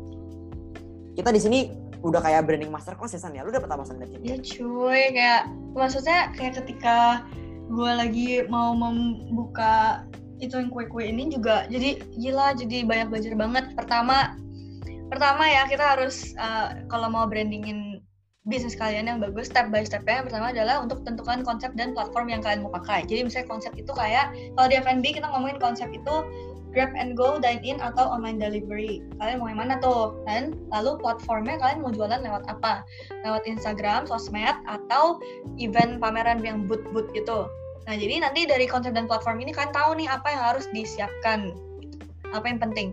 Nah, yang habis itu, yang kedua adalah tentukan target marketnya. Ini penting banget karena pokoknya ini penting ini penting banget sih jujur kayak karena kalau kalian nggak tahu target pasarnya kalian juga susah nanti bikin uh, ceritanya bikin uh, desainnya dan teman-temannya nah, nanti baru dari target marketnya kalau kalian udah tentuin mau maunya mahasiswa maunya yang ses A, ses B atau maunya yang di daerah Jakarta gitu-gitu baru kalian masuk ke step 3 yaitu buat story-nya. Story-nya ini adalah yang membuat brand kalian unik. Contohnya misalnya si Kopi Su itu kalau misalnya kita kalau kalian dengar episode mereka mereka itu uh, membuat semuanya uh, tulisannya dengan ejaan-ejaan nama. Itu karena memang mereka pengen membangun cerita atau pengen ajak uh, pelanggannya itu ya ke zaman nostalgia. dahulu jadi nostalgia gitu. Nah kalau itlah dia pengen ngajak pelanggannya ya untuk makan aja. Kalau lu lapar ya makan lah gitu. Nah, iya.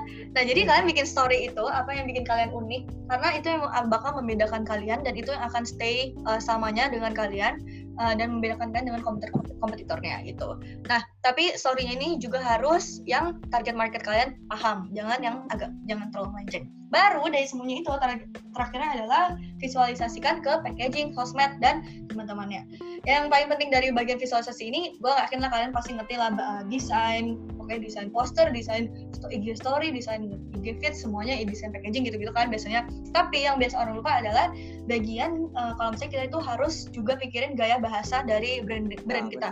Nah karena uh, brand itu anggapannya kalau si kata Ko Agus ini brand itu kayak kita membangun karakter di The Sims. Kita harus uh, tentuin gimana cara brand kita ini berkomunikasi personality dia apa. Kalau di The Sims kan lo bisa pilih kan kayak ah nih personalitinya mau yang orangnya kayak kreatif dia suka musik dia suka apa gitu gitu kan. Nah kalian juga harus pikirin buat brand kalian cara dia ngomong di sosmed itu gimana cara dia uh, panggil follower followernya gimana cara bales DM DM pelanggan kalian gimana dan itu yang bakal diingat sama orang-orang. Itu yang bedain kalian banget sih gitu. Ya. Mungkin gue cuma nambahin bahwa ada bagusnya kalian ngelakuin 360 branding ya. Jadi nggak cuma brand dari sisi mata dari sisi visual tapi dari sisi semua uh, sensori kalian. Mungkin dari pendengaran musik yang dipilih itu mereka yang nentuin loh. Kalau kalian ke Brun Brun tuh musiknya udah mereka yang pilih. Kalian ke Work itu musiknya mereka yang pilihin. Wanginya juga cuy. Wangi juga. Uh, kalau gue cerita nih ya lu pernah ke Wakai nggak sih apa? Wakai. Tahu Wakai nggak? Tahu tahu nah itu lo masuk ke tokonya wanginya tuh khas banget. Dan ini juga yang mereka lakukan di Work di Brun Brun mereka kasih wangi-wangi jadi intinya adalah branding coba pikirin outside the box juga ya. Yang mm. bener-bener encapsulates all nggak cuma dari sisi visual doang. Oke. Okay. nah ini. Ini nih jadi kita itu karena banyak banget nih guys yang kalian yang nonton eh sorry yang dengerin episode tentang saham kita emang udah bilang sih kita bakal uh, bahas saham yang lebih dalam jadi kita ya, sekarang undang namanya uh, eh. namanya adalah Bilitan Hadi dan Theo Derek ya ya tadi lo agak putus ini da mereka ini dari KB Mid Stocks uh, komunitas value investing gitu oke okay. ya yeah. Oke, okay, di sini kita bahas lebih dalam gimana cara analisis saham, cara mereka screening saham mereka. Tapi yang lebih dalam, kalau misalnya tadi sama uh, ko Billy yang satu, satu lagi, Billy Latif, itu kan lebih ke yang uh, basic gitu kan. Beginner, ya? ya, karena kita mintanya beginner, yang dari nol. Terus habis itu, kalau yang ini kita minta lebih dalam, coba Harvin jelaskan. Jadi, eh, by the way ini kebetulan mereka berdua namanya Billy ya, sama-sama Billy. Mungkin iya. memang orang Billy pintar saham kali ya. Bisa jadi. Kita minta yang yang, uh, yang lebih dalam dan juga spesial sekarang khusus buat corona ya. Karena sekarang lagi pandemi lagi resesi ya bisa dibilang. Gimana sih cara uh, invest yang benar perusahaannya yang bagus gimana sih? Jadi selain rasio-rasio di atas yang dari kalian jadi PR, ROADER dan sebagainya ada tiga tambahannya nih. Yang pertama dari masalah likuiditasnya. Apakah perusahaan ini mampu membayar kebutuhan atau kewajiban jangka pendeknya? Alias ini perusahaan punya duitnya sih buat bayar utangnya yang jatuh tempo sekarang itu kalau lihat dari current ratio atau dari cash ratio. Si Coffee Meat bilang kalian harus minimal di angka 30% bahkan lebih kalau bisa di atas 30% cash ratio kalian. Yang kedua dari sisi arus kas keuangan atau cash flow. Cash flow itu ada tiga guys. Operating cash flow financing cash flow dan investing cash flow. Operating cash flow itu duit yang dapat dari kalian beroperasi dari misalnya jual susu jual produk itu harus positif pasti dong ya. Kalau financing cash flow kalau bisa negatif. Kenapa kok negatif? Bukannya jelek keluar duit Eits, bukan gitu. Financing cash flow negatif artinya kalian membayar hutang, alias kalian mampu membayar hutang kalian. Kalau positif kan kalian nambah hutang justru kan. Nah, kalau investing cash flow, kalau bisa juga negatif. Artinya apa? Artinya kalian masih berekspansi. Investing cash flow ini duit yang dikeluarin untuk membeli fixed asset atau aset tetap. Jadi kalau negatif, artinya kalian masih membeli tetap atau masih berekspansi. Yang terakhir adalah debt composition.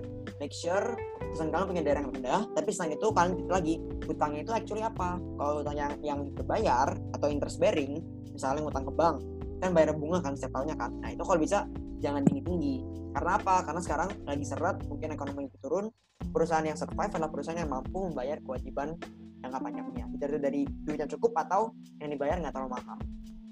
Yes ya mungkin ya itulah ya uh, insight yang kita dapetin dari sesi kita sama Coffee Meet Stock kalau kalian masih mau tahu lebih dalam of course dengan episode lengkap iya iya betul betul betul.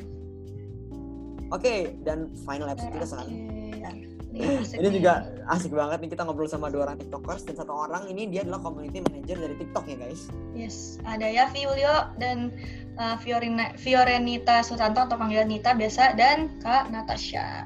Yes. Nah, Kak Natasha ini istrinya Kak Ko Agus yang tadi ngomongin branding. Bener, asik ya berdua ya. Sama-sama hebat orangnya.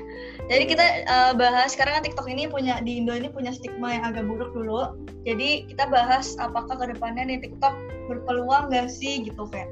Nah jadi kalau misalnya dari pembahasan kita sebenarnya berpeluang banget sih, apalagi untuk bisnis-bisnis sekarang yang uh, lagi pokoknya cari channel marketing baru. Ini salah satu channel baru atau platform baru yang bisa kalian pakai yaitu TikTok. Jadi bisa bikin video tentang produk kalian dan itu dan itu benar-benar berpengaruh sih kalau emang video kalian bagus. Iya. Dan menurut gue sih jangan takut buat coba hal baru ya. Mungkin kalau Yavi dulu nggak seberani itu, Nita mungkin dulu kayak malu-malu, ya mereka nggak jadi nggak dapat banyak follower kayak sekarang tuh. Dan impactnya tuh gede banget guys. Dari itu dari sisi sosial media atau dari sisi in real life, ini bisa benar-benar buka kalian koneksi baru, mungkin bahkan income baru, ya kan jadi jangan takut takut untuk memulai hal-hal baru misalnya seperti TikTok harus Yes. jeli banget ngelihat peluang walaupun orang bilang orang nyinyir apa pun ya udahlah peduli amat yang penting kalian tahu ini hal yang produktif hal yang bagus go for it guys Yes, betul sekali. Ah. Oke. Makin banyak juga san ya Tata ya Ya cuy, gak kebayang gila lama banget kita rekam ini. Ternyata karena kita nge-recap habis. 19 jam lebih guys jadi cuma satu episode tapi seru banget gue jadi reminisce good times Nah, Oke. tadi Jadi gue bilang di awal nih guys gimana san? Gimana san? Ada patternnya ya nih ya yang kita lihat-lihat. dan ini very very powerful guys. Jujur ini powerful banget karena gue dan San mikir kayak San sebenarnya yang mereka omongin itu intinya ada yang sama ya? Kayak selalu ada hal yang kita temuin nih. Iya cuy, sama 19 persis. orang berbeda ini. Oke, lu dulu. kita udah recap guys. Ini penting banget. Kalian kalau dengerin lima ini wah ini kacau. Keren banget sih. Ada lima poin. Harvin, nomor satu. yang pertama start with why. Ini gue udah ngomongin berkali-kali kan start why itu sesimpel ini. Kenapa kalian mulai bisnis ini?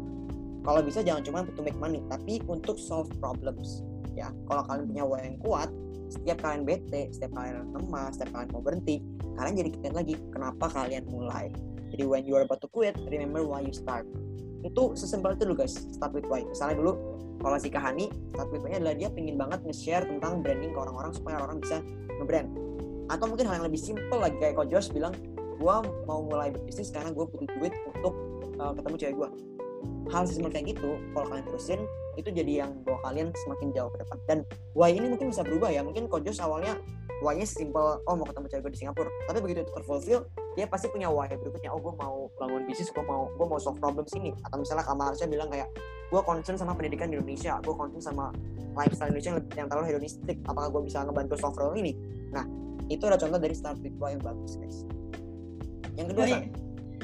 Yang kedua, ah ini yang dari tadi gue salutin dari Kak Jacqueline dari Kokumi, yaitu dia make plan. Nah ini penting banget guys, karena nekat boleh, nekat boleh, boleh banget, tapi perlu juga ada planningnya, nggak cuman uh, planning dari tadi uh, konsepnya, konsep brandingnya apa, tapi juga financial planningnya itu penting banget, uh, mau di uh, aspek kehidupan bisnis lo atau di kehidupan pribadi lo itu penting.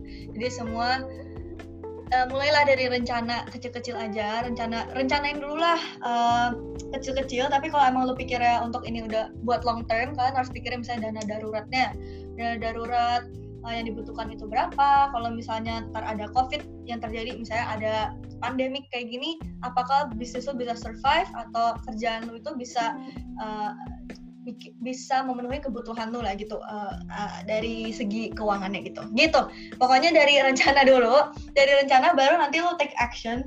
Karena kadang orang tuh skip bagian rencana terus mereka langsung take action kan. Terus jadi ntar pas di tengah-tengah take action eh pas take action itu emang sebenarnya kalau orang kalau orang-orang bilang kan belajar dari pengalaman ya kan. Belajar dari real life uh, apa sih kalimat aduh jujur gue lupa sih nama apa kalimat biasanya itu. Tapi intinya uh, biasa orang kayak suka uh, bilangnya iya belajar belajar itu dari pengalaman. Iya gue juga gue juga setuju belajar dari Setuju. pengalaman. Tapi ada baiknya lu uh, rencanain dulu uh, beberapa di depan-depan supaya apa yang nanti kalau misalnya lagi di tengah prosesnya yang gagal itu nggak sebaik itu guys. Jadi lu rencanain dulu beberapa. Jadi di tengah-tengah perjalanan itu lebih smooth dan lebih less uh, failure. Jadi lu bisa lebih banyak improve juga ke depannya dan lebih cepat berkembang gitu. Dan satu insight lagi guys dari makeup line ini kalau kalian nggak ada plan kalian nggak bisa keep progress atau keep track Yeah. dari momen sekalian. Lo nggak bisa bilang kayak oh gue kurang atau gue terlalu bagus. Nggak bisa karena Yeah. kalian nggak ada plan di awal kan? Iya, jadi itu ya. betul. satu start with why. Dua make a plan. Ketiga stay focused persistence work hard and smart. Ini trait yang harus dimiliki both entrepreneurs and career people ya. Profesional juga harus punya. Ini ini nggak usah gue ceritain panjang-panjang. Kalian udah tahu bahwa yang namanya kalian mau sukses itu ya harus kerja kalau kalian mau sukses harus kerja keras kerja pintar dan yang paling penting jangan mudah menyerah ya persistence itu key banget dari banyak orang yang gue temuin Gak bohong. Intinya intinya semua orang yang kita undang itu gak ada yang menyerah guys. Hmm. Gak ada, gak ada satupun yang menyerah.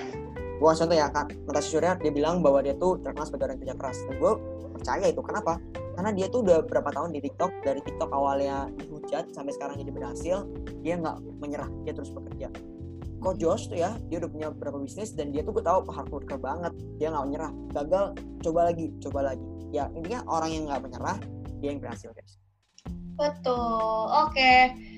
Eh, keempat itu stay curious, eh, never stop learning atau terus belajar eh, di aspek kehidupan apa pun yang lo lagi lakuin sekarang.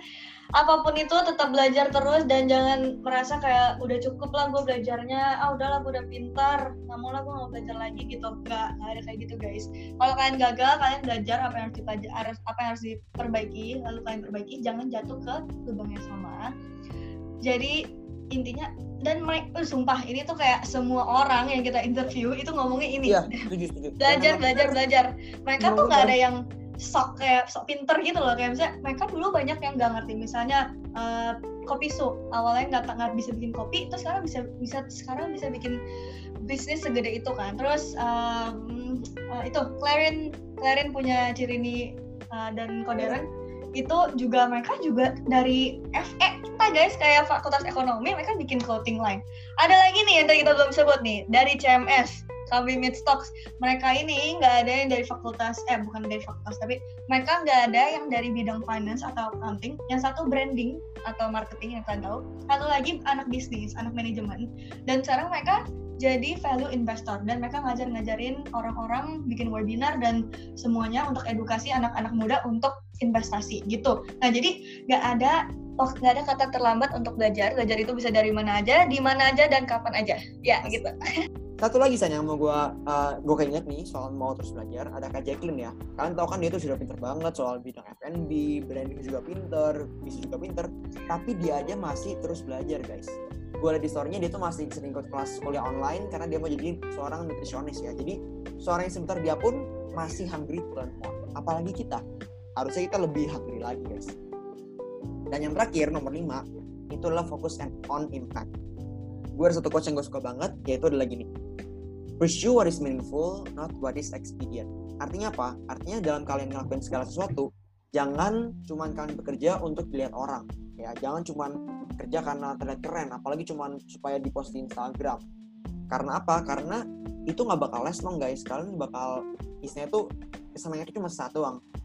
Instead fokus on impact yang kalian bisa kasih dari dari tuh bisnis kalian dari, dari pekerjaan kalian. Kalian fokus on your impact and it will take you far away it will take you long kalau gue jadi Prasmul kalian tuh bisa fokus impactnya dari tiga hal. Dari 3P triple bottom line profit planet and people. Tiga-tiga ini kalau kalian jalan hand in hand kalian bakal bisa bawa apa yang kalian kerjakan nih ke in the long run lah bisa dibilang. Kayak misalnya Cihani dia tuh fokusnya adalah gimana cara gua ngebuat kelasnya tuh sampai orang bisa ngerti tentang personal branding Ko Jordan selalu bilang kayak yang gue fokus adalah seberapa banyak orang bisa gue reach dari kelas gue dan seberapa bagus kelas gue ini yang gue bikin bisa buat orang-orang. Komputer terlalu fokus ke gimana cara gue bisa bikin branding yang accessible murah ya dan ngasih service yang terbagus ke orang-orang. Hal-hal seperti ini itu yang bisa ngebuat bisnis kalian work in the long run jadi dari menurut gue nih ya ini pribadi gue sih. Daripada kalian set goalsnya dalam bentuk revenue atau mungkin dalam bentuk oh gue harus sampai uang segini. Menurut gue lebih bagus kalau kalian set goalsnya dari hal yang non financial misalnya nih kayak komputer bilang ah gue mau target bisa 1000 wedding tahun ini. Atau misalnya mau buka di 30 kota tahun ini. Kalau Jordan mungkin bisa bilang kayak gue mau kolaborasi sama 20 200 orang tahun ini untuk bikin kelas. Hal seperti itu menurut gue bakal buat kalian jalan lebih jauh dari cuma sekedar uang. Oke? Yes. Jadi tolong Oke. recap san lima terakhir tadi apa tadi Oke, satu, start with why. cari masalah yang lu mau uh, cari Solve. solusinya ya solve gitu oke dua rencanain make plans uh, for your uh, ke depannya untuk future-nya lalu yang ketiga stay focus work hard uh, and smart uh, jangan gampang menyerah karena itu adalah salah satu trait terpenting entrepreneur dan semua orang sebenarnya untuk jangan gampang menyerah. Lalu yang keempat uh, stay curious never stop learning dan jangan sok sok pinter. Karena kalian Benar. karena belajar itu nggak ada hentinya kalian bisa belajar apa pun terus setiap hari. Setiap hari belajar hal baru itu bisa banget guys. Dan yang terakhir kalau bikin bisnis atau bikin atau dalam kehidupan sehari-hari pun uh, fokus on impact. Uh, hidup itu nggak cuma untuk kita sekedar untuk hidup lalu sekolah enam tahun kan. Sekolah enam tahun terus kuliah 4 tahun terus habis itu lo punya pasangan punya terus punya anak ya kan. Terus anak lo lo biayain lagi sekolah terus lo muter lagi aja gitu sampai tua sampai sampai di dunia selesai. Nggak gitu guys kan? Biar biar nggak basi gitu kan? Biar nggak bosen hidupnya. Hidup itu harus ada impactnya guys. Jadi kita bikin kita bikin sesuatu lah untuk dunia ini uh, yang bisa memberkati orang-orang banyak bisa memberikan asik, bisa bisa memberikan manfaat untuk kehidupan orang-orang lain karena kan nggak semua orang itu memiliki opportunity yang sama jadi kita uh, bantu kasih impact itu ke orang-orang ke planet kita juga ke lingkungan hidup kita yang sudah memberikan kita kehidupan selama ini dan juga untuk diri kita sendiri yaitu profitnya untuk kita menjalani kehidupan sehari-hari. Begitu. Yes. sekian season satu kita guys Luar Asik biasa. banget. Semoga kalian dapat insight banyak ya karena personally gue juga dapat insight banyak banget. Um, tolong tunggu kita ya kita bakal balik di season 2 dengan pembicara yang lebih banyak lagi dan juga dengan section-section baru ya. Pokoknya pasti akan banyak hal baru yang kita bawa di season 2. Um, hopefully kalian semua dapat pelajaran berharga dari sini. Mungkin kalau hal terakhir yang gue omongin bagi kalian adalah make sure in everything that you do kalian lebih banyak kasih benefit daripada kalian mungkin orang. Itu Hmm. itu pesan terakhir dari gue deh. yes Alright guys, Ah, baik kata aduh juga, jadi sedih cukup lama ya kita ngomongnya ini ya. wah ini kayak satu setengah jam dah Iya, Episode. okay. Seru, seru, seru. Jadi gue gak sabar untuk start season 2. Uh, we'll just see you guys on season 2, okay? Bye guys, see you on the next episode of Potluck Podcast by Tutor aja. bye bye guys jangan lupa follow IG kita